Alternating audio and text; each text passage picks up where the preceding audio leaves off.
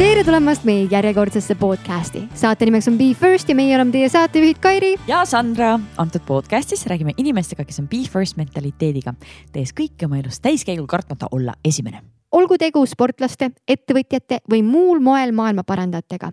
eesmärk on sukelduda nende inimeste mõttemaailma, kes loovad uusi normaalsusi ja suudavad saavutada uskumatuid tulemusi podcastis püüame aru saada, kuidas ka meie ehk siis tavainimesed saaksime nende kogemusi ja harjumusi oma elus rakendada paremate tulemuste saavutamiseks. meie tänase saate külaliseks on naine, kelle tulemused Eesti triatloni maastikul on kergelt öeldes ma ei tea, kas see sõna sõgedad on siinkohal korrektne kasutada, aga ma siiski teen seda.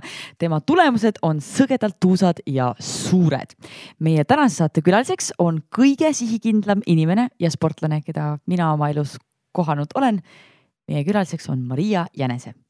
ja tänases saates räägime me temaga, kui raske on läbida Hawaii Ironmani, mida peab tegema, et saavutada täispika triatloni Eesti rekord ja kui palju saab üks triatleet süüa?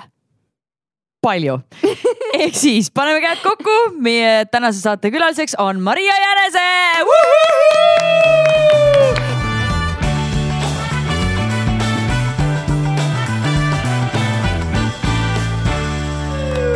Tere tere tulemast. tere, Maria. meil on ülihea meel, et sa võtsid täna selle aja ja tulid meile külla. väga vahva, et te kutsusite mind. ja rõõmuga Kairi. ja mul on, mul on nii palju küsimusi sulle, aga ma tean, et see jääb viimasesse plokki peamiselt mm, -hmm. nii et me alustame nii, nagu me podcast'i ikka alustame, väikse mänguga me juba teame, et sa oled kuulnud mõnda meie podcast'i, nii et sa tead, mis sind ees ootab. ja tean. Te peaks seda nägu praegu nägema ma ei saa aru, kas see on hirmul või see on excited või? ma mõtlen, et kas mul tulevad need vastused meelde, mis ma mõtlesin, kuigi ühele küsimusele ma ei suutnud vastust välja mõelda. väga huvitav. kohe saame teada, mis see on, aga kuulajatele, kes on äh, sattunud kuidagi esimesse podcast'i siin, siis äh, mäng on lihtne. räägime Maria esimestest ehk siis, et meie alustame lauset ja sina lõpetad selle ja, ja siis, äh, kui see on näiteks midagi sellist, mida sul veel ei ole juhtunud või, või ei ole, siis sa võid öelda, et mis see võiks ideaalis olla. ja siis äh, me, sa võid proovida teha sellise konstruktiivse, konkreetse lause, aga kui on vaja pläkutada, siis võid ka pläkutada. okei okay,, aga hakkame kohe pihta. esimene õnnestumine äh,. ma arvan, et mu esimene õnnestumine on see, et ma läksin äh, üheksandasse klassi Gustav Adolfi gümnaasiumisse ja toona sai veel otse edasi, kui sul olid head õpitulemused.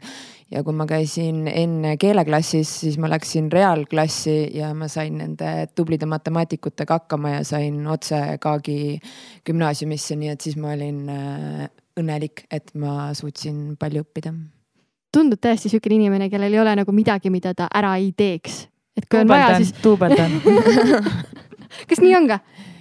Ei no ilmselt mingeid asju on ikka, mida ma ära ei tee, aga kui ma jah midagi ette võtan, siis ma ei anna alla, ma ei paneks sinna vahele kergelt alla ei anna ma tean, et see on see kiire mäng, aga mul tekivad kohe mingid küsimused, kas ma võin need palun ära küsida?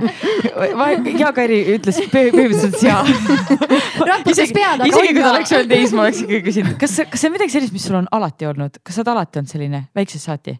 Ma ei tea vist küll jah, natuke ma tean, et mu tädi on öelnud, et äh, ma läksin äh, tema juurde maale külla ja siis ma käisin tal järel ja siis küsisin, et kas ma saan mingeid peenraid rohida või midagi teha. äkki see kuidagi meie järgmise küsimusega ka seotud, äh, sinu esimene läbikukkumine?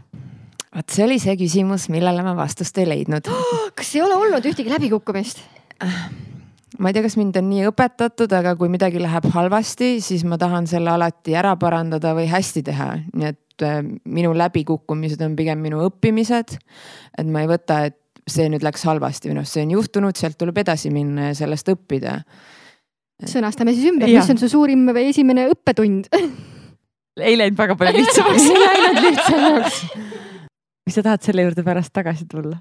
Jaa, ma võib-olla. sest ma hullult tahaks kuulda seda, ma, ma nagu no,. midagi peab olema. mind nagu päriselt huvitab, et kas, kas on olnud midagi, mille peale sa nagu ise mõtled, et äh, kindlasti trennis peab midagi olema, võistlustel midagi, kas tõesti ei ole? no aga siis või no nagu ma pingutan ikka iga kord nii, et on piisavalt paha ja siis lihtsalt ei olnud nagu minu päev, et see ei ole selles mõttes ebaõnnestumine, ma ei ütleks ja mm -hmm. mingid väiksemad võistlused, mis mul on treeningvõistlused, nendel mul ei peagi nii hästi minema, et kui ma ma pean aru saama, mis on minul see õige võistlus, mille jaoks ma valmistun ja ma peangi aru saama, et mingitel võistlustel ma pean siis ühe tüdruku käest pähe saama ja see on okei okay.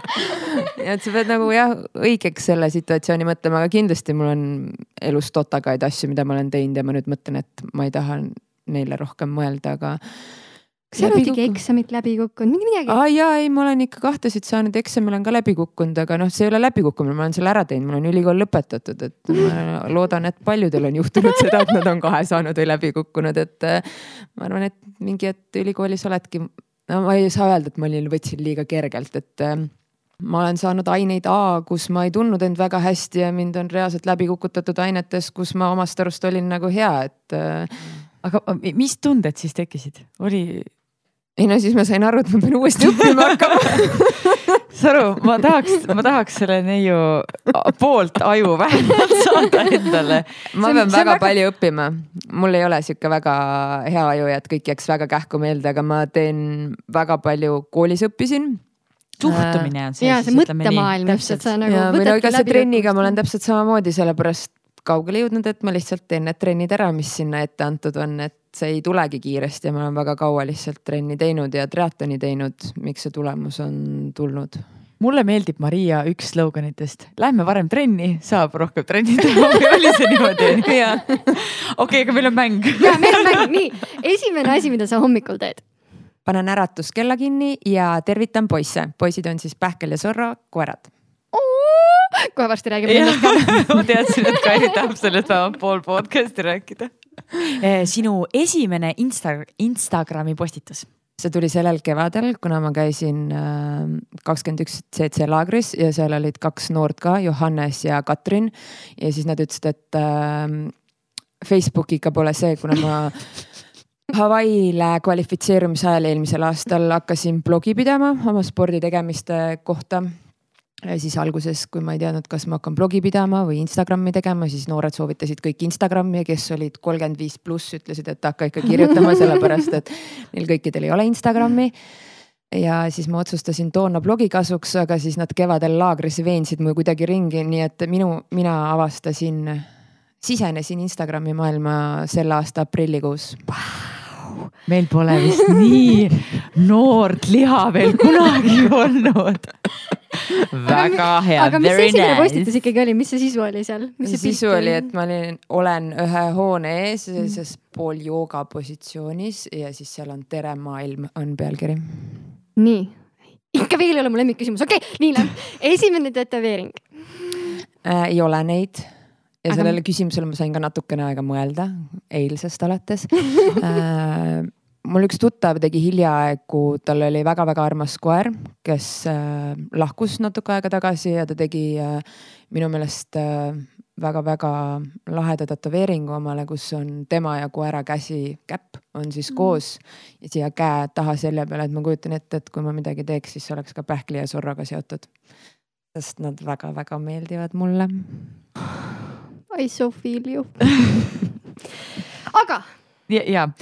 Ähm, mul on nii raske alati tulla sellistest ilusatest vastustest üle, et kui on, kui on, kui keegi ja keegi ütleb, no tõesti selline südamlik vastus ja siis tulen mina, jaa, esimene auto Mini One, punane.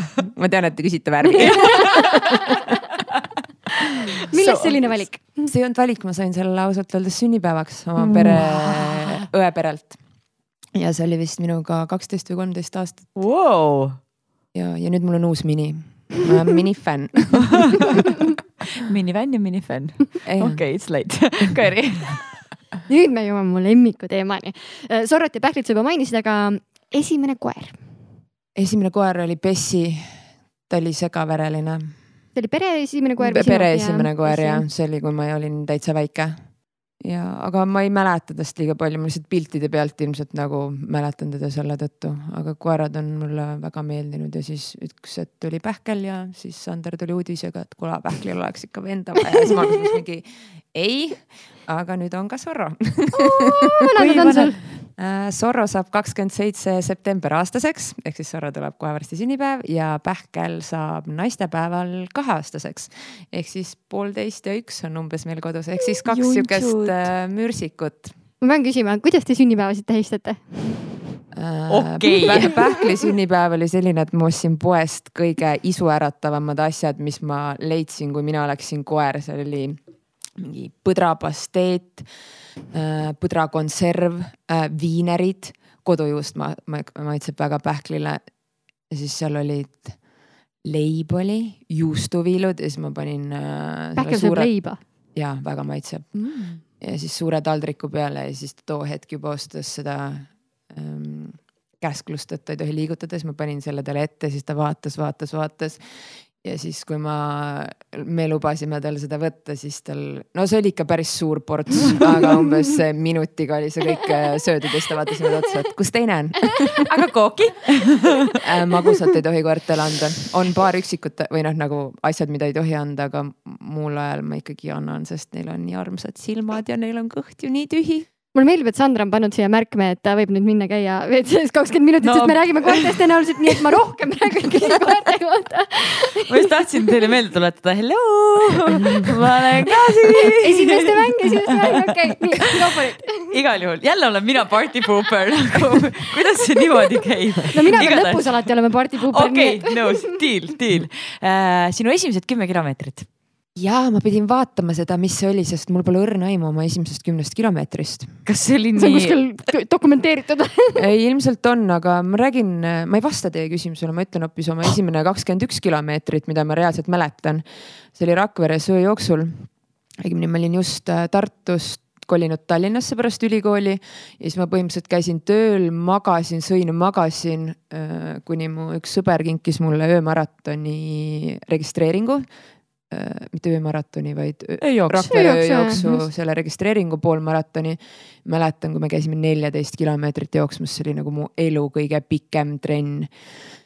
ja siis jõudis see päev kätte, kui seal joosta tuli ja siis, kui oli ähm, neli kilomeetrit joostud, siis ma olin no tulipunases või nagu, mis sealt, ma ei kujuta ette, must tuleb vist sealt edasi, ma arvasin, et ma nagu suren ära. ei, seda ma tean, et need alarmid tuleb maha võtta. täiega vihkan neid inimesi, kes tulevad võistlustele ja jätavad oma pulsialarmid, et palun jookse siis aeglasemalt, kui sa oled omale need alarmid pannud aga siis ma umbes kümnendaks kilomeetriks taastusin ja siis ma jooksin edasi ja siis ma lõpetasin üks viiekümne kuuega vist. Ja siis ma mõtlesin, et kui nagu nii halva tunde pealt on üks viiskümmend kuus, et siis on ju okei okay, järgmine aasta kohe maratoni minna jooksma ja siis ma panin ennast vist maratonile ka kirja. ma tohin küsida, kui kaua aega tagasi see oli? see oli kaks tuhat kolmteist okei, okei. minule teadaolevalt või kaks tuhat kaksteist. siis äh, meil on veel viimane esimeste küsimus ja siis me läheme, teeme deep dive'i ja räägime kõikidest nendest asjadest lähemalt ka, aga esimene kord, kui sa tundsid enda üle mega suurt uhkust. see oli kolmandal augustil, kui ma Eesti rekordi tegin mm. Mhm. -hmm. siis ma olin küll väga uhke Oota, just selle nüüd- aja üle ma arvan, et me võime nüüd aplo- aplodeerida. kas me ütleme siia selle aja ka nüüd ära? Äh, üheksa, kakskümmend kaheksa, nelikümmend kuus. sa ütlesid, et äh, ma täpselt ei mäleta, aga üheksa, kakskümmend kaheksa. ma mäletan seda päris hästi. kas me igaks juhuks publikule, kes ei tea triatloni maailmast mitte midagi, ütleks, mis distantsid sa läbisid selle aja jooksul? Äh, kõigepealt ujusin kolm koma kaheksa kilomeetrit, siis sõitsin sada kaheksakümmend kilomeetrit ratast või noh, originaalis see peaks sada kaheksakümmend olema. kõikide kompuutrid näitasid sada seitsekümmend kaheksa, kui aus olla. ja siis on äh, väike maratonike lõppu ehk siis nelikümmend kaks kilomeetrit otsa veel. oota, ma pisikene. nagu kuulsin, et mingi keegi kukkus, mulle tundub, et mingi pool meie kuulajatest siis kukkusid selgi praegu selle jutu peale. ja see võib olla küll nii jah, või siis see oli see meie helimees Marko, aga ta istub praegu, nii et see ei saanud olla. täiesti ulme, täiesti ulme, aga enne kui me hakkame rääkima sinu spordimaailmast, siis sport ei ole su põhitöö tegelikult üldse. ei ole jah, ehk siis, mis su põhitöö on, mis sa teed? mida sa teed? jurist olen Muuseas. nüüd ma olen advokaadibüroos, ma läksin sinna põhimõtteliselt aasta aega tagasi ja ma olen eelnevad äh, viisteist aastat arvanud, et ma ei lähe kunagi advokaadibüroosse, sest mulle tundus, et seal peab jube palju tööd tegema ja kui sa alguses sinna lähed, et siis sulle antakse ainult mingeid väikseid asju ja pead äh, mõttetuid väikseid asju tegema. lappama mingeid seadusi välja kuskilt. no ja, või siis vastama mingitele kliendi mitte nii lahedatele küsimustele, kui nii saab öelda. aga ma kolisin kaks aastat tagasi Tartusse seoses äh, sellega, et me hakkasime Sandriga kodu ehitama. Ja siis ma otsisin väga kaua tööd tegelikult, kaheksa kuud. Ja kõigepealt ma olin Tartu maakohtus, olin äh, pankrotijärelevalve jurist. aga ma olin seal asenduskoha peal. Ja kui mulle Tallinnast äh, helistati ja pakuti seda tööd, siis ma alguses ei olnud nii vaimustatud, sest ma ei olnud ju advokaadibüroo tööst vaimustatud, aga siis nad ütlesid, et ma saan tegeleda pangandus- ja finantsõigusega, mida ma tegin äh, Tallinnas enne seda, kui ma lahkusin Tallinnast. ja et ma saaksin Tartus töötada ja siis ma mõtlesin, et aga miks mitte. et äh, ja seal ma nüüd olen kas sa räägiks meile sellest, kuidas sul see juristiks nagu, mis hetkel sul käis läbi, et oh, õpiks nagu juristiks? Äh, see toimus välistusmeetodi abil, et äh, ma teadsin, et ma ei taha see nagu. kõlab juba nagu mingi ma ei tahtnud matemaatikat õppima minna, kuigi ma käisin reaalklassis, aga ma sain selle väga tugeva nelja, aga ma nägin sellega nagu liiga palju vaeva ja siis ma sain aru, et ma ei peaks seda nagu edaspidi lõbu pärast tegema äh, siis füüsikat ja keemiat ka mitte, geograafiat ma ka nagu ei tundnud või mingit arhitektuuri ja siis kuidagi ma jõudsin selle juurani. ja siis siin ma nüüd olen. milline su tööpäev üldse on? ma ei üldse ei kujuta ette, mida no nagu advokaadid teevad. see näeb selline välja, no kui ma veel tegin trenni selle vahva Tallinna Ironmani jaoks, siis ma tõusin tavaliselt ähm, viis viisteist kuni viis kolmkümmend. siis ma läksin esimesse trenni siis ma jõudsin pool üheksa kuni üheksa või vahel harva veerand kümme tööle. siis ma olin tööl, heal juhul jõudsin lõunale. veel paremal juhul mul oli endal toit kaasas. ja siis olenevalt sellest, kui äh, pikk trenn mul õhtul oli, õnneks suveõhtud on valged, siis ma läksin umbes kuue paiku töölt ära ja siis läksin trenni ja siis halvematel päevadel lõpetasin kell kümme trenni, pessu, kähku magama ja viis viisteist ülesse. iga päev? no mitte iga päev, aga peaaegu iga päev jah, no pigem no. no laupäev, pühapäev siis ei või?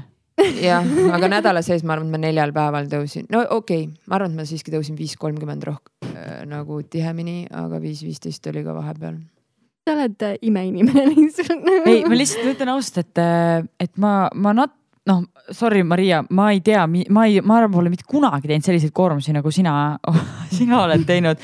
ja ma lihtsalt pean disclaimer'ina ütlema, et ma olen ühe korra käinud äh, Hispaanias laagris niimoodi, et Maria oli äh,, ta, sa olid teises majas aga kui me lõpetasime oma rattatrenni, siis Maria oli niimoodi, et äh, okei okay,, aga mul on veel äh, ujumine ka ja siis ma lähen veel teen jooksmise ka veel otsa ja siis kõik olid niimoodi, mehed vaatasid otsa, mõtlesid nagu mismoodi, et su töövõime on meeletu. kas, kas see stress, mis sul tuleb äh, siis nagu töö juurest ja stress, mis tuleb äh, trenni juurest, kas nad on kuidagi võrreldatavad või? ma arvan, et nad maandavad üksteist päris hästi. kuidas see käib?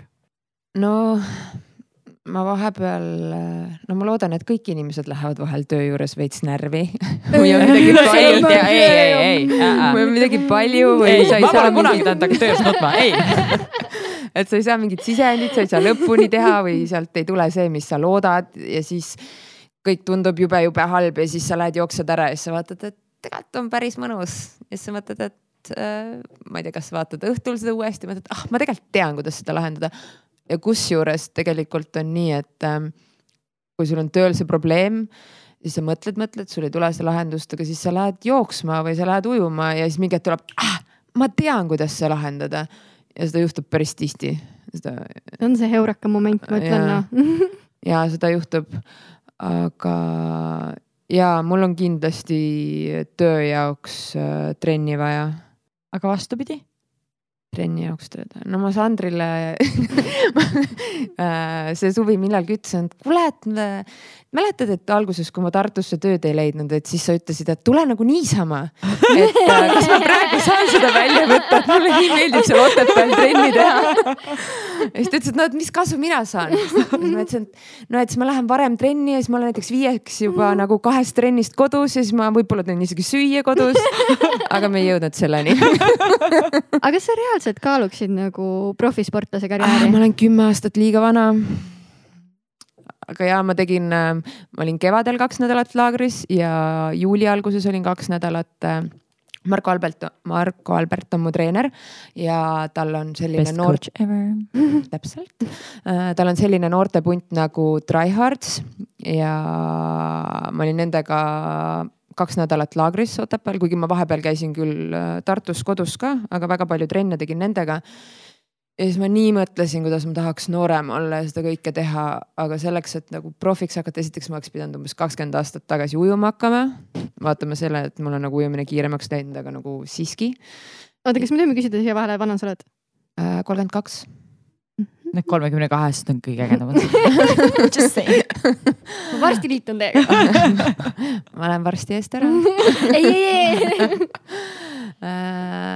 Nii et jah, ma olen selle jaoks veits liiga vana, kuigi äh, triatlon väga-väga tõmbab mind, aga ma saan aru, et äh, ma olen suur inimene ja ma pean tööl ka käima ja raha ei kasva puu otsas aga kui sa korra sellest äh, rääkisid, siis kuidas sa üldse triatloni juurde jõudsid, me, me lõpetasime sellega, et sa käisid äh, jooksmas. kas ma, kas mul jäi mingisugune vahepeal mingi jupp vahelt ära? et sa käisid seal äh, Rakveres jooksmas ja siis siis oli maraton ja siis oli triatlon. kuidas see siis tegelikult oli veel suusamaraton vahepeal, sest mul vend on väga suur iidol ja siis tema Aha. kunagi suusatas, ta ütles, et ta, ta läheb Tartu maratoni sõitma, siis ma ütlesin, et ah, ma lähen ka Tartu maratoni sõitma. Casual'i nagu sa teed, ikka noh, mis ja siis äh,, siis vend ja isa läksid äh, üks aasta, aga Otepääl oli vist Triistar veel, seal mm -hmm. oli see kolmkümmend kolm koma kolm, siis nad läksid seda tegema. meil on Saaremaal maakodu äh, Leisi lähedal ja Orissaares oli triatlon ja siis nad käisid seal, siis ma vaatasin, see kõik on nagu nii äge ja siis ma läksin järgmine aasta kaasa, läksin ka osalema. ja nüüd siin ma olen, nemad enam ei tee, aga mina olen selle konksu otsas Eesti naiste, Eesti parim naistriatleet see oli nii palju põnevam, jooksmine on ka tore ja ma, mulle väga meeldib joosta. aga mulle meeldib see vaheldus praegu, mis on. kaua sa praegu oled triatloni teinud siis? vist oli neljas aasta nagu kolm, kolmel aastal täispikad, enne seda oli, võib-olla on ka viis, sest ma olen kaks pool, kolm pool pikka nüüd Otepääl teinud ja üks oli sada üksteist ka. kas sa oled nagu terve elu siis sportlik olnud, nagu ei ole võimalik viie aastaga nagu nii kaugele jõuda või on? ja ma olen nagu... kunagi kaksteist aastat kergejõustikut ka teinud, sprinti ja mitmevõistlust ja siis ma olin ka väga hea mitte, et ma eputada tahaks, aga ja mul, kui ma õigesti mäletan, siis ma ühel aastal olin viiekordne Eesti meister. aga seal ma olin jah täitsa sprinter, nii et kui ma alguses rääkisin perele, et äh, ma nüüd plaanin hakata maratoni jooksma, siis nad arvasid, et ma olen veits hull ja siis, kui ma rääkisin oma täispika plaani, siis nad mõtlesid, et äh, mis mul viga on. Maria, sa oledki veits hull, aga, aga kõige positiivsemas mõttes ma tean seda ise ka mingi, mingi kiiks mul on aga see, et sa ütled, et sa oled hästi paljudes asjades juba olnud nagu Eestis tipus, et kas see tuleb geenidest või töökusest või mis sa arvad, mis see nagu edu valem on? Äh, töökus, ilmselt natukene ka annet ja ma arvan, et triatlon eriti täispika jaoks sul peab peas ka natukene. pead olema peast Maria. ja muidugi sihuke valmisolek peab olema selleks äh, kannatuseks ja pingutamiseks ma, ma sorry, aga ma hüppan lihtsalt ühelt küsimuselt teisele, aga mul jäi kõrvu kõlama see, kui sa ütlesid, et, et sa oled liiga vana selleks, et, et täisprofessionaaliks äh, saada.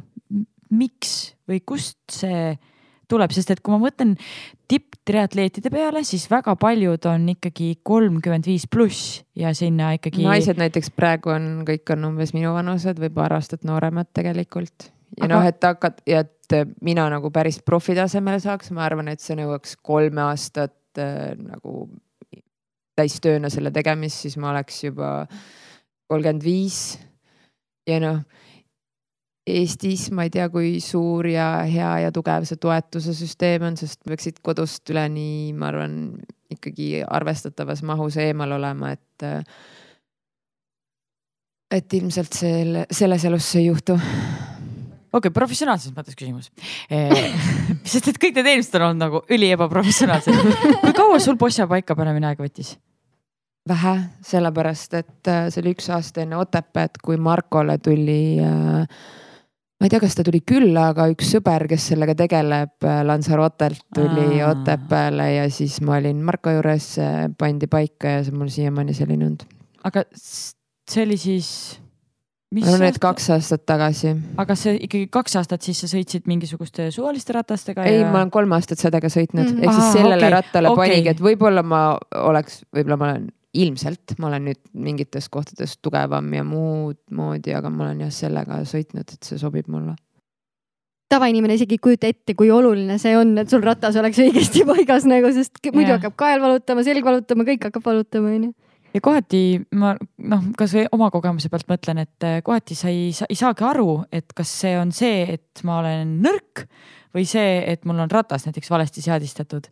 et eh, see, kui sa seadistad natuke oma ratast eh, teistmoodi ja sa lähed, hüppad sinna otsa ja sa sõidad kolm tundi niimoodi, et oh my gosh, ma arvan, et mulle tundub ma, ma ise kogu aeg mõtlen, et, et ma vist ei ole kunagi oma poistjat paika saanud, aga äkki ma lihtsalt olen nõrk ma ei ole seda veel, sellest veel täpselt aru saanud, et mis, mismoodi see, see asi käib. aga sul on ikkagi väga palju soovitajaid, väga palju häid inimesi ümber, kes yeah. Sind siis nagu abistavad. kuidas sa Marko üldse leidsid endale?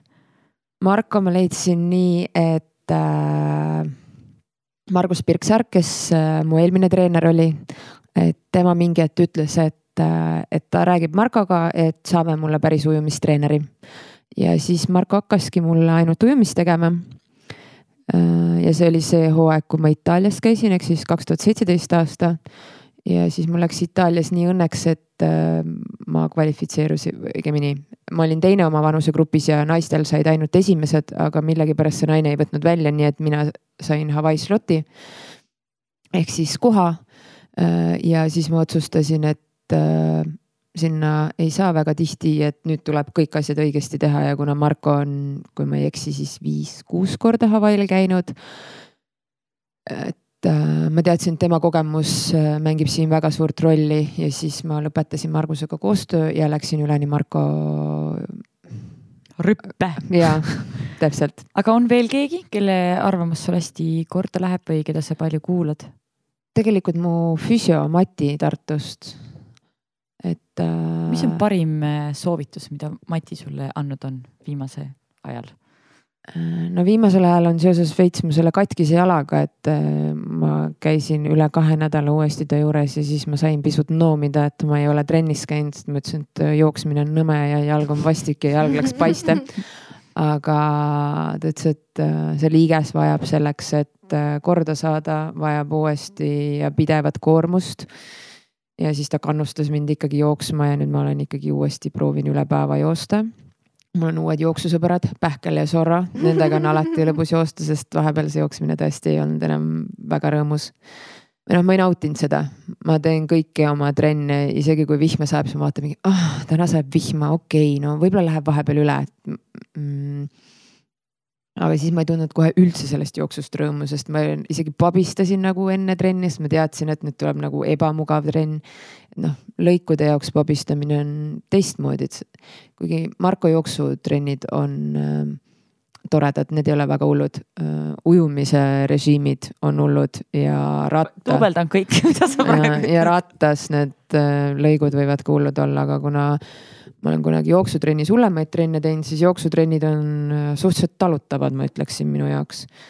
aga ja ma kohe teadsin, et ma lähen seda valu sinna välja kannatama, aga nüüd, kui ma seal pean poistega vaatama, et autod tulevad ja rihma otsas, et nüüd tule siia, ära nüüd jää nuuskima ja natuke teeme aeglasemalt, et siis mul on nii palju lihtsalt tegemist, et ma unustan selle jala ära ja siis vaatan, et oh, ongi aeg juba käi-, täis kui see vastas su küsimusele, ma unustasin oma küsimuse ära mulle meeldivad tegelikult sellised vastused, kus äh, sa alustad ühest, ühest küsimusest ja siis see läheb, lõpetad kuskil mujal, sest et see on. kui mõte niimoodi läheb, siis, siis nii pidigi minema. aga kui me juba mõt-, mõttest ja, ja mõt-, mõt-, siin sügavale mõttemaailma sukeldusime, siis võib-olla äh,, võib-olla lähemegi selle räägime mikrofoni, Sandra ah,. Margo juba lehvitas sind. jäin Kairile, jäin Kairile sügavalt silma vaatama. ja me, no selles mõttes, et ma mäletan ise, et kui ma proovisin seda poolikut äh, Ironmani, siis see. sa ei proovinud, sa tegid selle läbi. ja, aga no see kuus tundi, nii palju oli aega mõelda mis tähendab, et kui sa teed täispikka, sa teed seda üheksa tundi ju, sul on nii palju aega mõelda asjadele, kui palju sa mõtled maailmale või asjadele või on sul täielik, täielik tühjus seal või mis toimub peas? null, null., see on Mati esimene soovitus tegelikult. sa pead keskenduma ainult sellele asjale, mida sa praegu teed. sa ei tohi hakata mõtlema, mida sa õhtul sööd, okei okay,, sa võid seda mõelda, kui sul on võib-olla viimased viissada meetrit maratonis joosta, aga sul on nii palju veel minna, et sa pead ja see on pikk ja väsitav distants, et kui sa lased ennast minema, hakkad muid mõtteid mõtlema, siis sul on ka seda võistlust raskem teha. nii et tegelikult need üheksa pool tundi lähevad väga kiiresti, ma ei oska teile tuu- või noh, ma tean jah, mida ma maratonis mõtlesin, et millal see lõpuks otsa saab. ja miks Marko ei ütle, et ma peaks aeglasemalt jooksma, ta vastas sellele, aga sa jooksid nii ilusti, ma ei tahtnud, et sa aeglasemalt jookseks, ma ütlesin, et okei okay,, thanks äh, aga jaa, sa pead, see, mida sa teed, sa pead olema sellele täiesti keskendunud ja see aeg läheb väga kiiresti, sest rattas on ka see, et Äh, nii poolpikal kui täispikal on iga pool tund on sündmus, kas siis sa pead äh, võtma ühe soolatableti ja keeli või ähm, batooni, nii et äh, see aeg tegelikult liigub kiiresti, et vahepeal vaatad jälle kella ja jooki võtad kahekümne minuti tagant, nii et sul on seal tegevust veel. Aga maailma asjadele ja seal ei ole aega mõelda. aga kas sa mõtled igapäevaselt üldse, et mis meil maailmas toimub ja kuidas meil inimeste ja planeedina läheb? ja ma proovin nüüd natukene ähm, rohkem sorteerida. eelmisel aastal kevadel, kui lumi ära sulas, siis äh, see oli tegelikult ka koerte hüvanguks, sellepärast et koerte koolitusel räägiti, et need, mis koerte jaoks hirmutavad on, et kui vanatädikesed tulevad suurte kilekottidega ja siis, et koerad ei tea, mis need on, siis ma võtsin kolm kilekotti kaasa ja läksime. me elame Tartust seitse kilomeetrit väljas ja meil on seal väike metsatukk ja järveke ja siis ma tegin nende kilekottidega selle ringi ja korjasin kõik pudelid ja plastmassi ja kiled kokku. Nii et äh, ma arvan, et äh, tegin loodust paremaks ja õpetasin pähklile, et suured kilekotid ei ole halvad ja see on okei okay,, kui veits krõbiseb. ja nüüd me oleme kodus ka paberit hakanud eraldi sorteerima ja pudeleid millest teil see otsus tuli nagu, et kas lihtsalt sellepärast, et kõik meedias räägivad, et oleks vaja seda teha või kuidagi? ma arvan, et see ei tulnud niivõrd sellest, sest me siin Eestis võime küll, ma ei tea, kas see on õige või vale mõtlemine, et me siin Eestis võime tublid olla ja sorteerida, aga siis meil on need suured Hiina ja muud riigid, kellel, keda on nii palju rohkem, kes seda ei tee ja mis kogus, mida nemad iga päev toodavad. aga ma pigem teengi seda rohkem nagu enda ja oma, et kodu ümbert oleks puhas. ja no see oleks tore, kui kõik seda teeksid, aga see on aga... natuke naiivne arvamine, ma muidugi loodan, et inimesed teevad, aga jah. oled sa täheldanud, et näiteks see, et kui sina oled seda teinud, äh, keegi sinu sõprus või pereringkonnast on hakanud äh, sarnaselt mõtlema ja sama, samamoodi midagi, midagi sellist tegema? tead, meil on nüüd Tartus, ma ei tea, kas nad sorteerivad ma tean, et paberid nad panevad küll eraldi. ma arvan, et sa võiksid minna nende käest küsida kõik naabrid käivad läbi lihtsalt. või, või kuidas sinu näiteks sõprusringkonnas on, et kas inimesed mõtlevad selle peale? ja ma tean, meil sõprusringkonnas on ühed, kes on väga teadlikud, neil on vist lausa neli-viis prügikasti erinevat, siis ma õppisin neilt ka, et kui, mis neil need erinevad siis on ja kuidas käib. üks oli, ma tean, et pakendi, pakendid on ka veel eraldi aga mulle tundub see veel, ma pean selleks äh, koguma, et neid pakendeid veel pesta ja eraldi kotti panna ja siis ma tean veel, et on biojäätmed. aga meil ei ole nii palju prügikastide ruumi, nii et ma pean selle nagu koha kõigepealt. Äh, see kompostimine on ka, ta on nagu, ta on peavalu, ütleme ausalt noh, ta on peavalu noh no võta siis valitool võtad ibuprofeeni sisse ja pole häda midagi ja muudkui lähevad need banaanikoored ja kõik lähevad sinna biojäätmetesse. see on väga sensitiivne. ma sooviksin ühte ilu, head kilekotti, mis ei lagune ära selle peale, et ma sinna need banaanikoored panen. ma toon sulle mingi roosa kas need on need lagunevad või, sest kõik need lagunevad, lagunevad mu banaanid all ära kusjuures täna käisin prügimäel, ma nüüd jauran sellega veel aastaid. sa ei saa seda öelda kahes podcast'is see jätab mulje nagu sa käiksid kogu aeg prügimäel ja võib-olla käingi, aga ühesõnaga tegelikult see teema äh, on, äh, see on ülilihtne. on tegelikult need harjumused endale sisse harjutada. Yeah. ja täna, vabandust, ükskord prügimäel räägiti, et, äh, et tegelikult polegi üldse hea neid, ärge tehke, mul on, mul oli jumala, mul oli täiesti okei okay lause praegu, oota, kuidas see nüüd käis? Ühesõnaga komposteerimine on hea, vahetevahel lükkame selle välja. aga räägi, kuidas ma prügi sorteerima pean, sest ma tean ausalt, ma olen kohutav selle koha pealt nagu, nii. okei, mina täpselt ei tea. õppetund, paneme siia mingi džingli ka onju. ja, ja nagu muusika taha uh,. sorteerimine Sandraga see võib olla vabalt uus podcast tegelikult on niimoodi, et äh, see, see on hästi, see on väga lihtne, see lihtsalt vajab äh, läbimõtlemist. ja väga tihti inimesed ei tea, et kui mul on see, ma ei tea, mingisugune jogurti pakk on ju, et kas ma selle panen olmeprügisse või ma panen selle pakendijäätmetesse. et äh, probleem on selles, et neid teenusepakkujaid on hästi palju erinevaid ja kõik teevad natuke erinevalt. osad panevad kokku, ma olen kuulnud. kusjuures see on müüt see on müüt, sest et see tundub sellepärast äh, niimoodi, et äh, kui sa näed, et see, see prügi tõstetakse autosse, siis sa näedki ainult seda, et see läheb autosse. tegelikult seal on erinevad kambrid ehk siis äh, see prügiauto võtab selle näiteks biojäätmete kanistri ja kallab selle sellisesse, sellisesse eraldi kanistrisse või mahutisse, mis seal on. kui sul on mingisugused muud jäätmed, siis see läheb eraldi. ma lähen kontrollima neid. mine kontrolli ja kui te olete täheldanud, siis minu maja juures äh, käib niimoodi, et nad käivad äh, nädalas mitu korda. et üks kord nädalas käib siis see auto, mis viib ära näiteks pak-, pakendid ja mingisugused muu asjad ja teine kord käib auto, kes viib ära siis näiteks papi ja sellise asja. et need on erinevad autod, kes tegelevad erinevate siis erineva prügi äraviimisega, et see tegelikult on jah müüt. ja kas nad lõpus kokku. on ka nagu eraldi või nad lähevad kõik prügimäele lihtsalt hunnikusse? see sõltub nüüd sellest, mismoodi inimesed on prügi ise sorteerinud.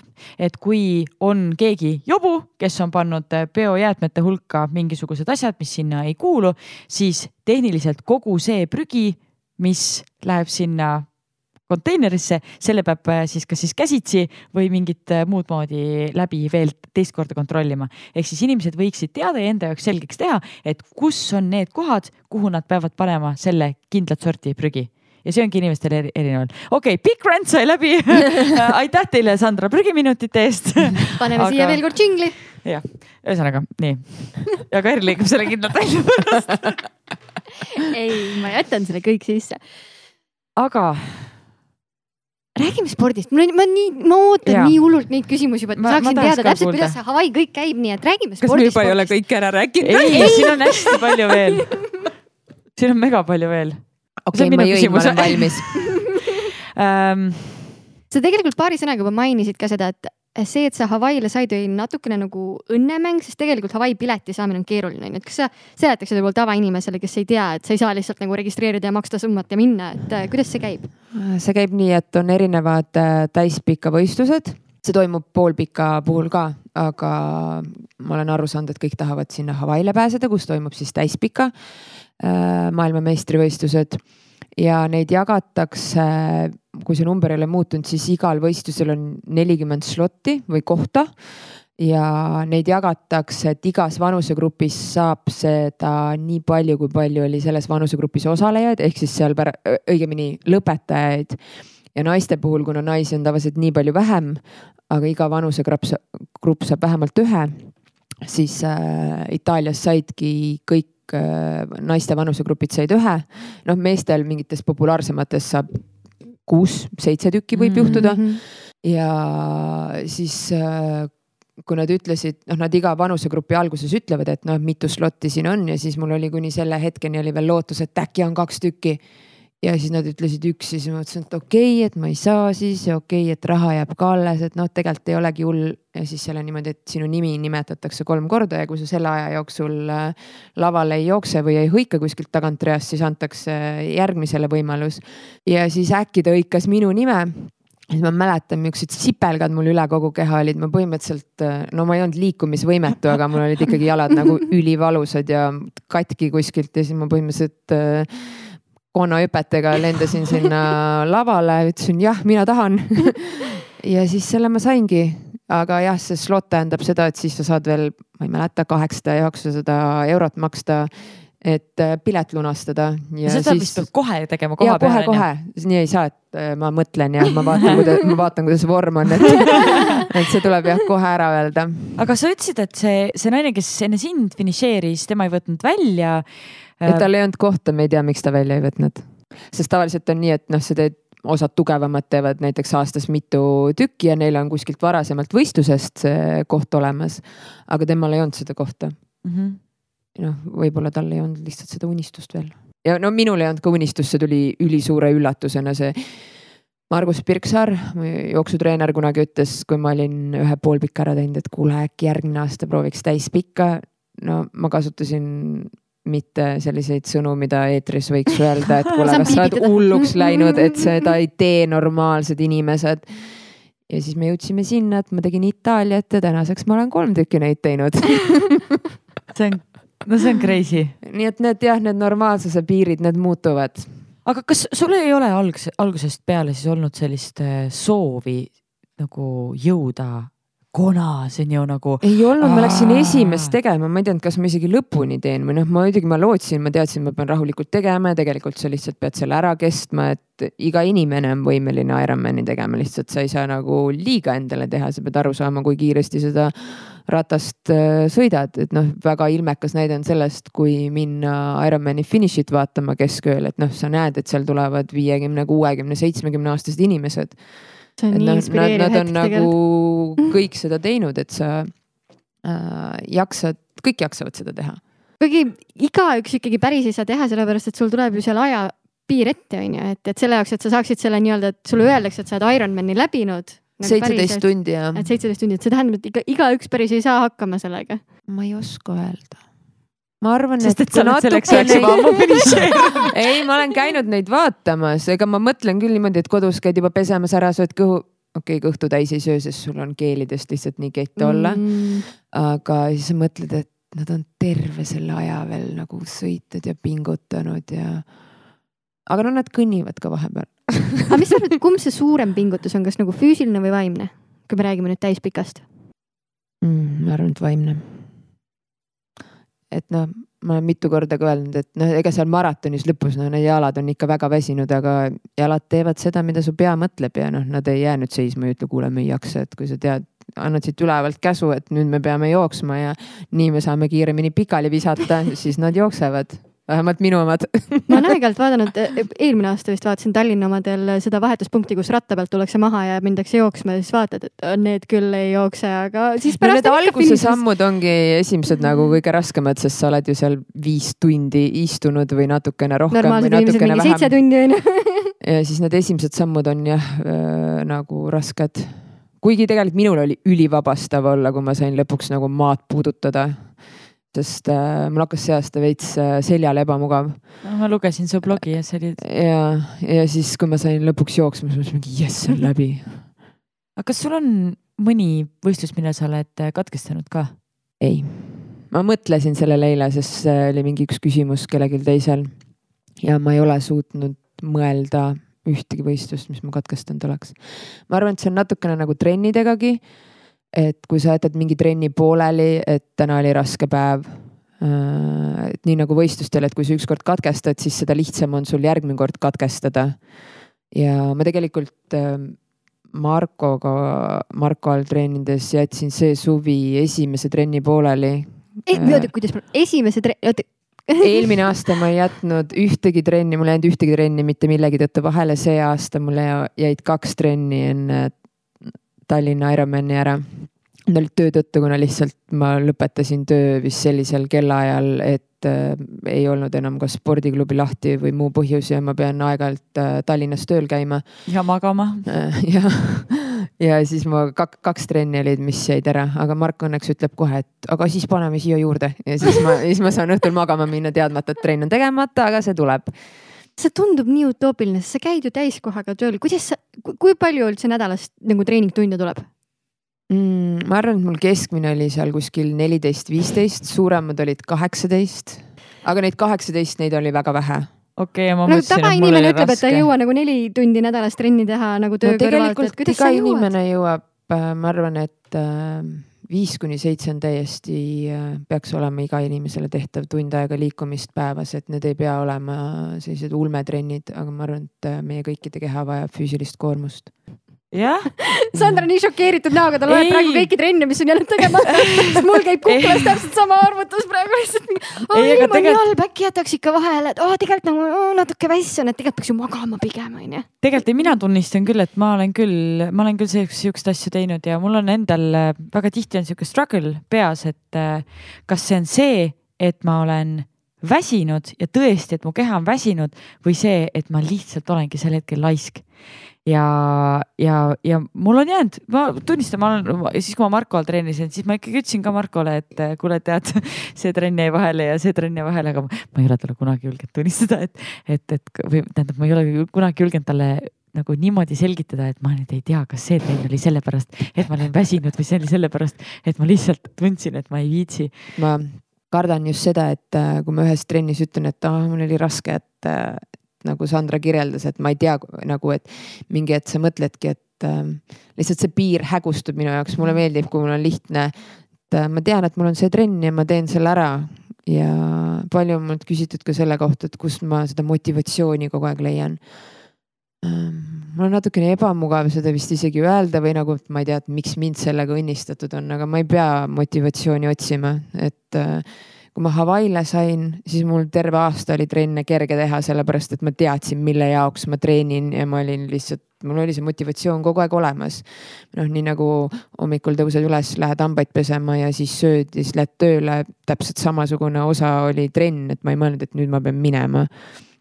et tavaliselt oli see päeva parim osa ja see aasta lihtsalt ma olin Tallinnaks väga motiveeritud, et ma seda enne võistlust ei öelnud välja, et ma tahaks Eesti rekordit proovida, sest noh.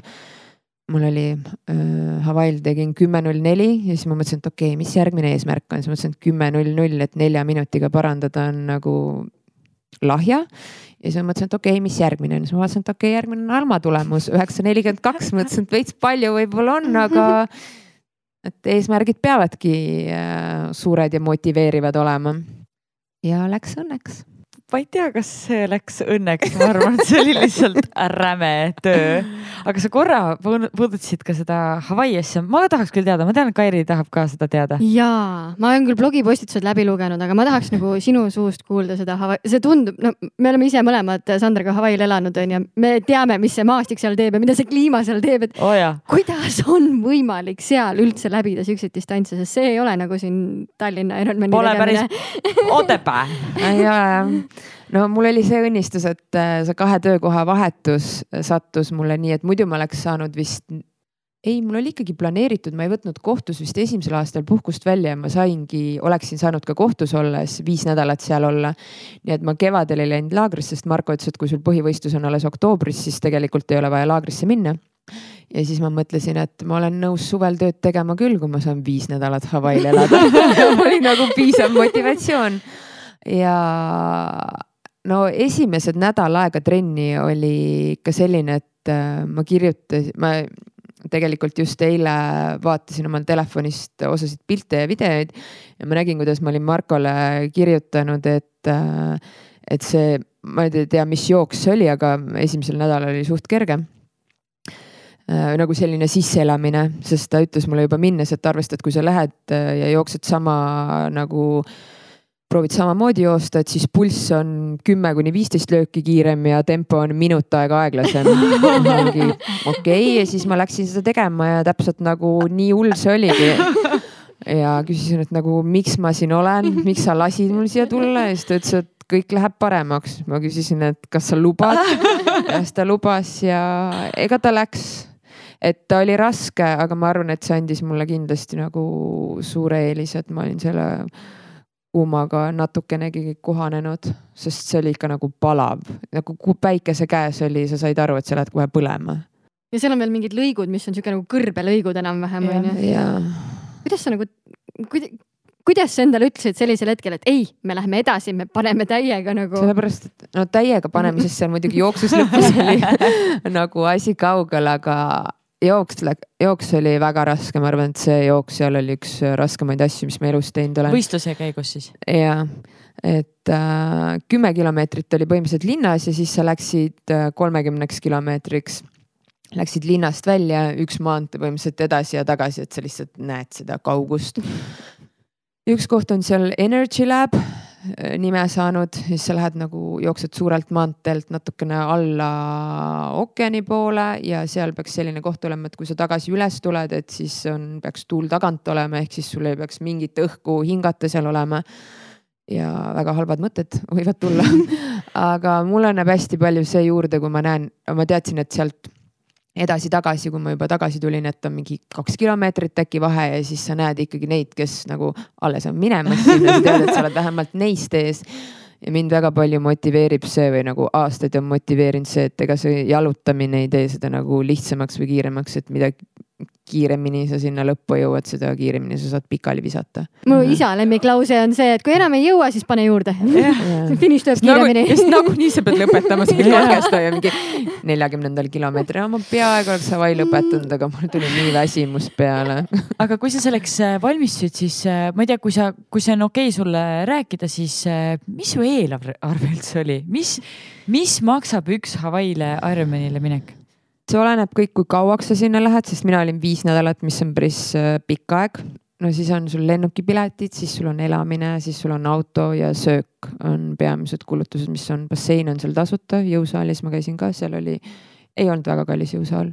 aga ma arvan, et see on ikkagi suurusjärgus kuus kuni kaheksa tuhat Mm -hmm. pluss kogu varustus, mis sul on küll eelnevalt ostetud, aga palju sul, palju sul nagu kraami on nagu triatloni kraami rahaliselt tead, ma ei säde maksab? näiteks äh, säde oli mul jooksude kõrval soodne, sest ma sain ühe trenni äh,, treeningkaaslased jooksud kaasa ja noh, need ja sinna ikkagi nagu.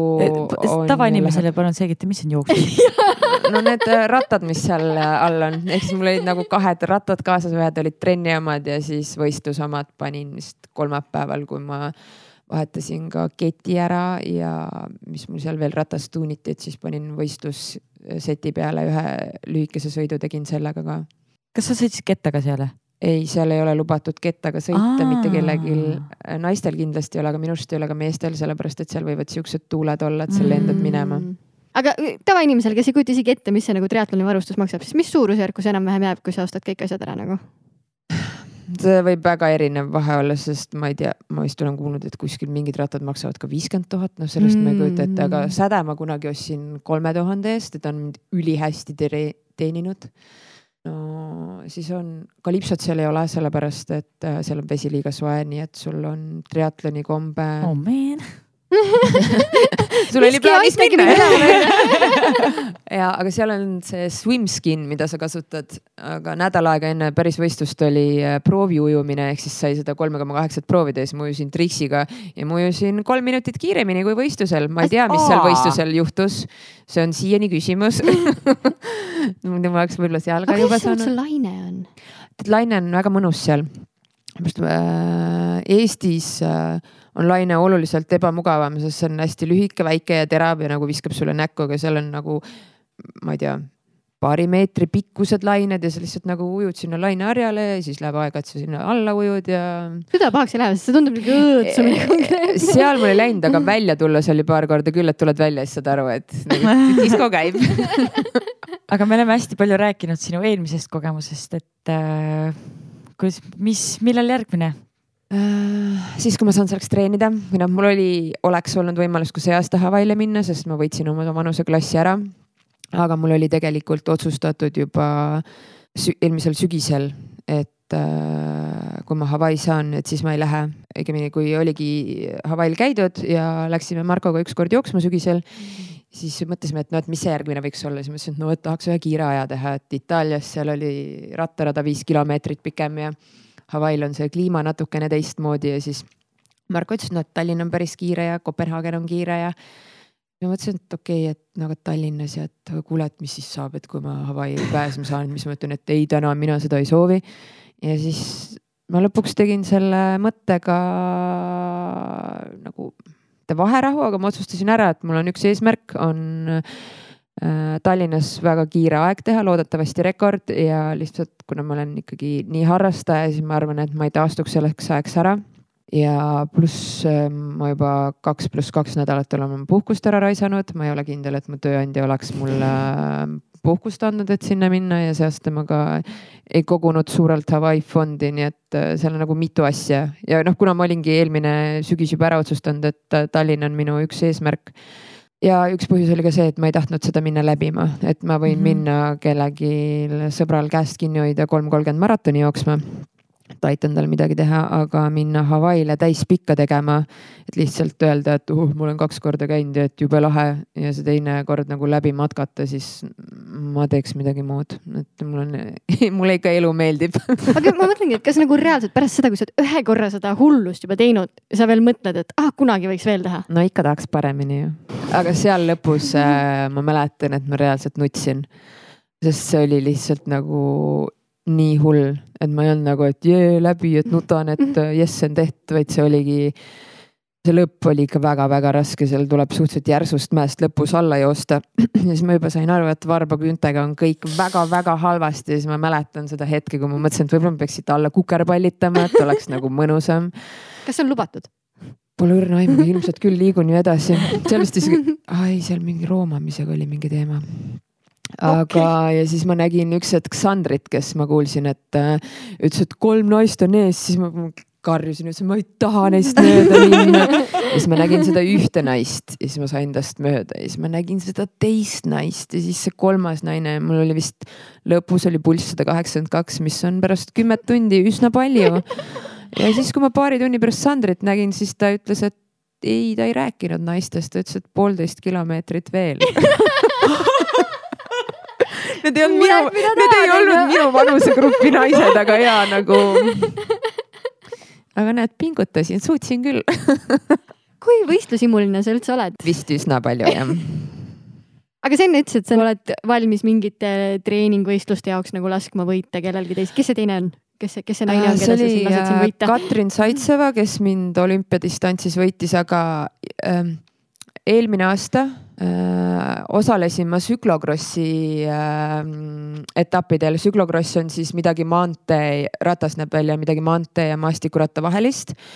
ja sellega sõitmine on selline, et äh, minu vanuseklassil naistel on äh, tund aega sõitu, see on umbes kahe poole kilomeetrine ring.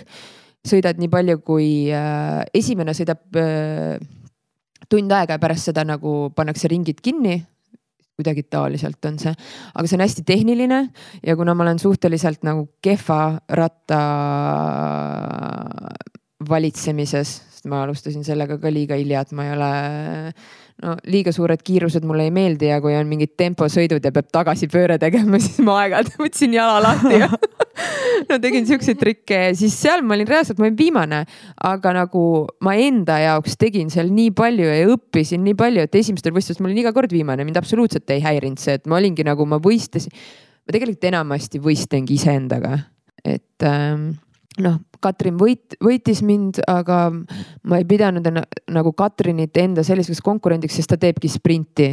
et äh, noh, ta teebki täiesti teist asja, mina pidin lihtsalt ühe nagu tugeva pingutuse tegema ja mul oli sealt pärast võistlust oli nüüd ei mäleta kahjuks, äh, mingi ratas oli sinna veel peale, et äh,. no muidugi.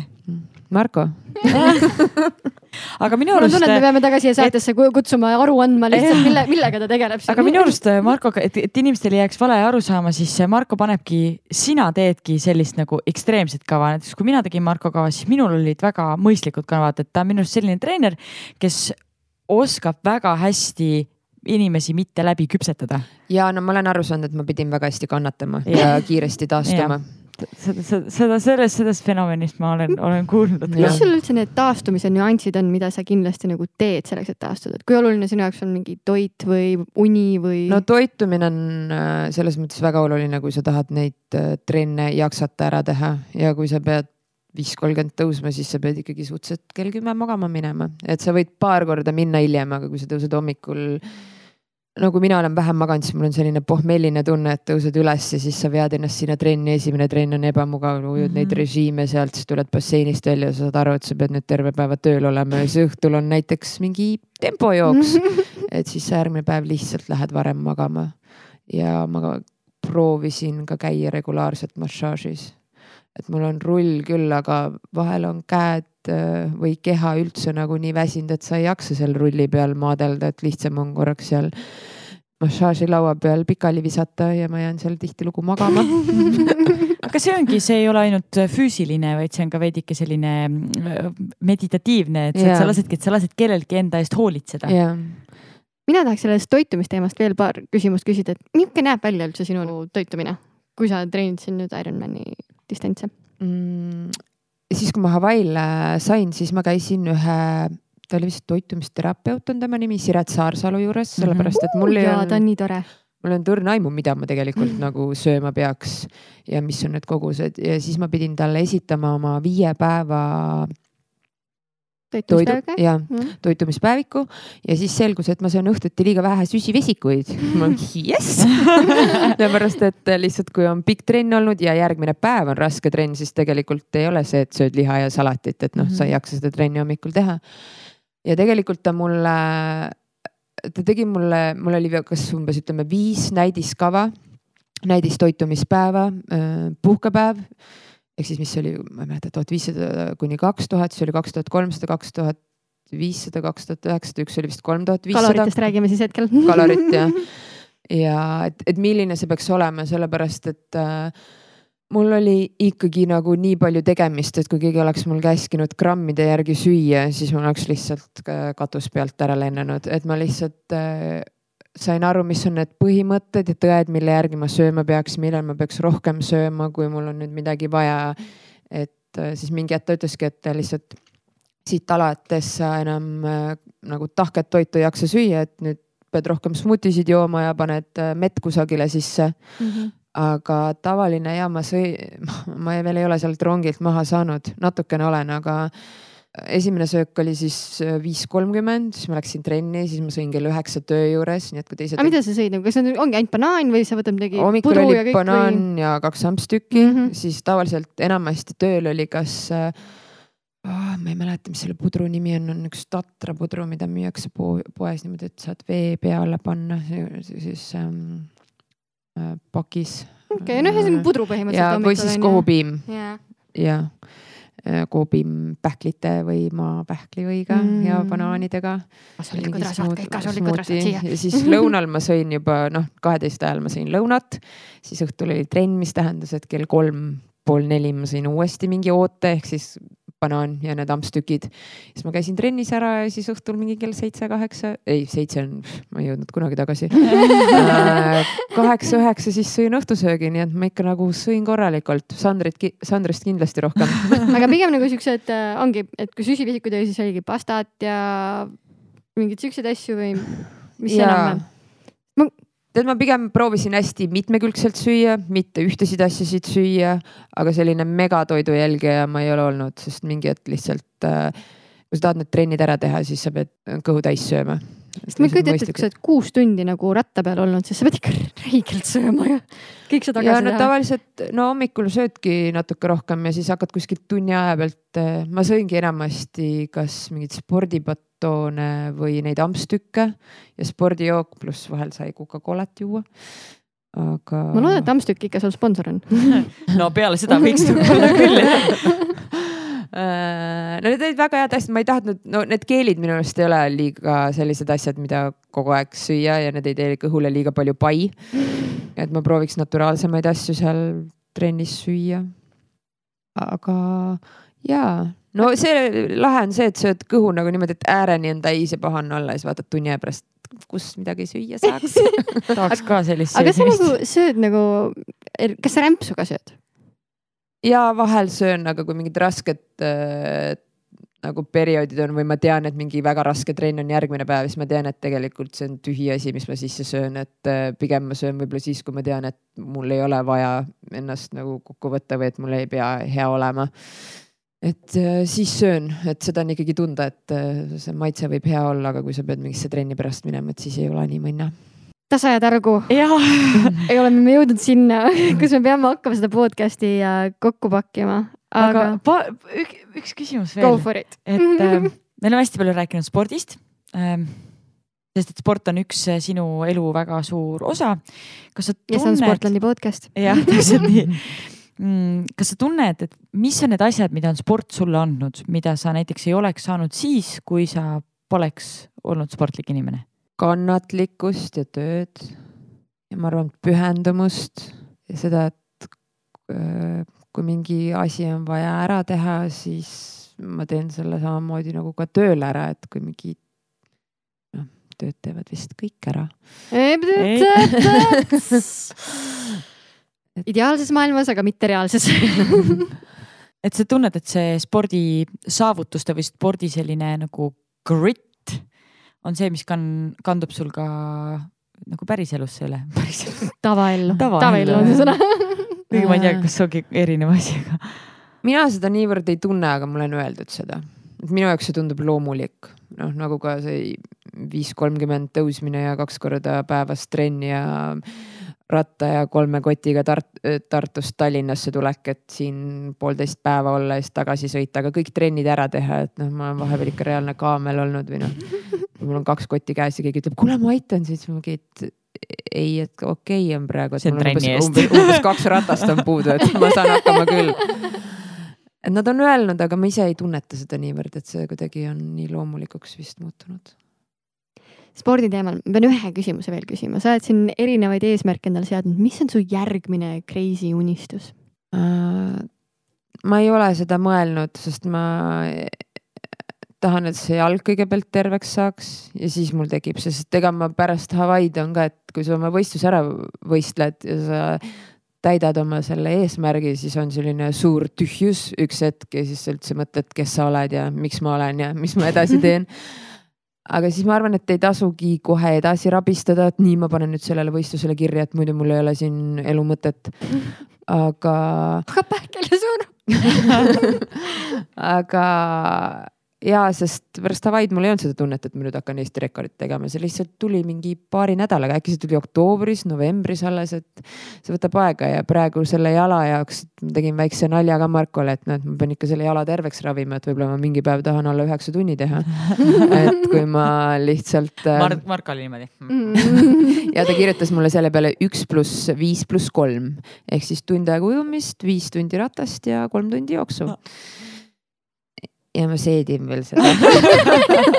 Nii et äh, ja mul ei ole uut eesmärki, et äh, mulle meeldib, ma olen vist selline, kes võtab suured eesmärgid, aga seda veel ei ole tulnud, et mul peab see tulema, et siis ma tahan seda kõike ka teha, et ma ei taha endale midagi peale suruda äh, ja siis hakata sunniga trennis käima. Ma juba ootan seda hetke, kus sa paari aasta pärast tuled meile siia tagasi ja me saame sinuga sinuga nendest asjadest, nendest järgmistest kreistest äh, eesmärkidest rääkida, mis sa siis saavutanud oleks selleks ajaks, et hästi-hästi äh, põnev oleks seda tõesti näha või kuulda. ma pean tõesti ütlema, et ääretult inspireeriv podcast, ma nüüd äh,, pakime need arvutid kokku, ma lähen teen siis ühe jooksutrenni siia vahele. et kahjuks tõepoolest peame otsi hakkama kokku tõmbama, meil on lõpus sihuke väike segment, mida me teeme, mille nimi on siis äh, soovitused panime sellele. päris originaalne. Väga originaalne, kas sa soovid täiendada lausa kokkuvõtvad soovitused. Ehk siis äh,, kas sa saaksid soovitada meie kuulajatele mõnda raamatut või podcast'i, mida nad võiksid kindlasti lugeda, kuulata? minule väga meeldis äh, Andrus Kiviräha Mees, kes teadis ussisõnu, seda oli väga lõbus lugeda, mulle meeldis, mitte just lõbus, aga ma olin sellest raamatust väga haaratud. Äh, podcast'e, nagu ma teile rääkisin, ma suurt ei ole kuulanud, kuigi eelmine kuu, kui ma lõikasin äh, poistele, koertele, kes algust ei kuulanud äh, maiuseid, siis ma kuulasin Sandri soovitusel ühte podcast'i, õigemini kolm osa kuulasin sealt lausa. see oli äh, juhtimiskunst kui konkurentsieelis, kui ma ei eksi. ma kuulasin sealt Taavi Veskimägi, siis oli ähm, äh, Jaak või Jaan Aru, kumb ta on, mul praegu ei tule meelde. Jaan Aru. Jaan Aru, täpselt. et oli väga põnev neid kuulata. Äh, spordi tegemise ajal ma ei kuula muusikat, välja arvatud, kui ma jõusaalis käin, sest Arktikus on liiga kõva diskomuusika hommikuti ja trennides äh, mul on parem keskenduda ja hingamist kuulata, kui ma, mul midagi kõrvus ei käi. ma just mõtlesin, et kas see on nagu tuleneb sellest, et Ironmanil ei ole lubatud kuulata, et sa tahad sellega ära harjuda? ei no rattaga sulle... ma ei sõidaks seales, et mul midagi klapid mm -hmm. kõrvas on, sest sa ei kuule, kus need äh, maantee peal need teised autod kihutavad ja jooksu puhul ka ma pigem jah, mulle meeldib. pigem äh, mitte. ma arvan, et väga paljud inimesed peal. oleksid nagu, mis mõttes ma ei saa joosta ilma muusikata. nagu Kairi. kuidas see käib? kuule, ma, ma räägin, minu jaoks oli kõige hirmsam oli kogu selle pooliku juures oligi, et kuidas ma kuus tundi olen ilma muusika, ilma millegi, ainult enda mõtetega. oh my gosh okei nii, aga mm,. mõni Instagrami konto, konto. konto ma olen lõunas. mul on nii, mul on nii meeldis kuulata paari su seda kuna ja mis sa mingid sõnad, mis sa ütlesid mõni äh, Instagrami konto, mida sa jälgid? Mango Visla. Äh, ma tean, et kõik teised soovitavad äh, väga inspireerivaid inimesi, aga pähk, pähklitõugu on üks äh, öö, koera sama, sama. kus mu telefon on, oota follow kohe, Mango Visla, nii. ja, ja see on, ma ise kutsun teda pähklipruudiks ja Mango on ükskord äh, meie juures Tartus käinud hoiul, kui tema perenaine käis Tartus, aga Mangole ei meeldi väga üksinda olla. ja Mango postitused on lihtsalt maailma kõige naljakamad, et äh, omaniku Mango kohta tehtud postitused ja lihtsalt need teevad mu tuju alati nii rõõmsaks, et ähm, võib-olla need inspireerivad asjad natukene on sellised, et mõtled ka, et ta, tal on seal raske või millega ta peab hakkama saama, aga vahel ma tahan lihtsalt midagi lihtsalt head ja naljakat ja Mango Visla on see. okei meie viimane küsimus. mis on üks sinu imelik või positiivne harjumus, mida sa soovitaksid ka teistele? Ma arvan, et see on see, et äh, täiskasvanu ea tõttu lähen ma ebaharilikult vara magama. et äh, isegi nüüd, kui ma ei pea hommikul vara trenni minema, siis me tõuseme hommikul kell kuus, et minna koertega jalutama. et hommikud on tegelikult äh, väga ilusad ja õhtul tee neid asju hommikul, mis sa muidu teed õhtul, et see vara magama minek on ilmselt minu selline teistsugune asi.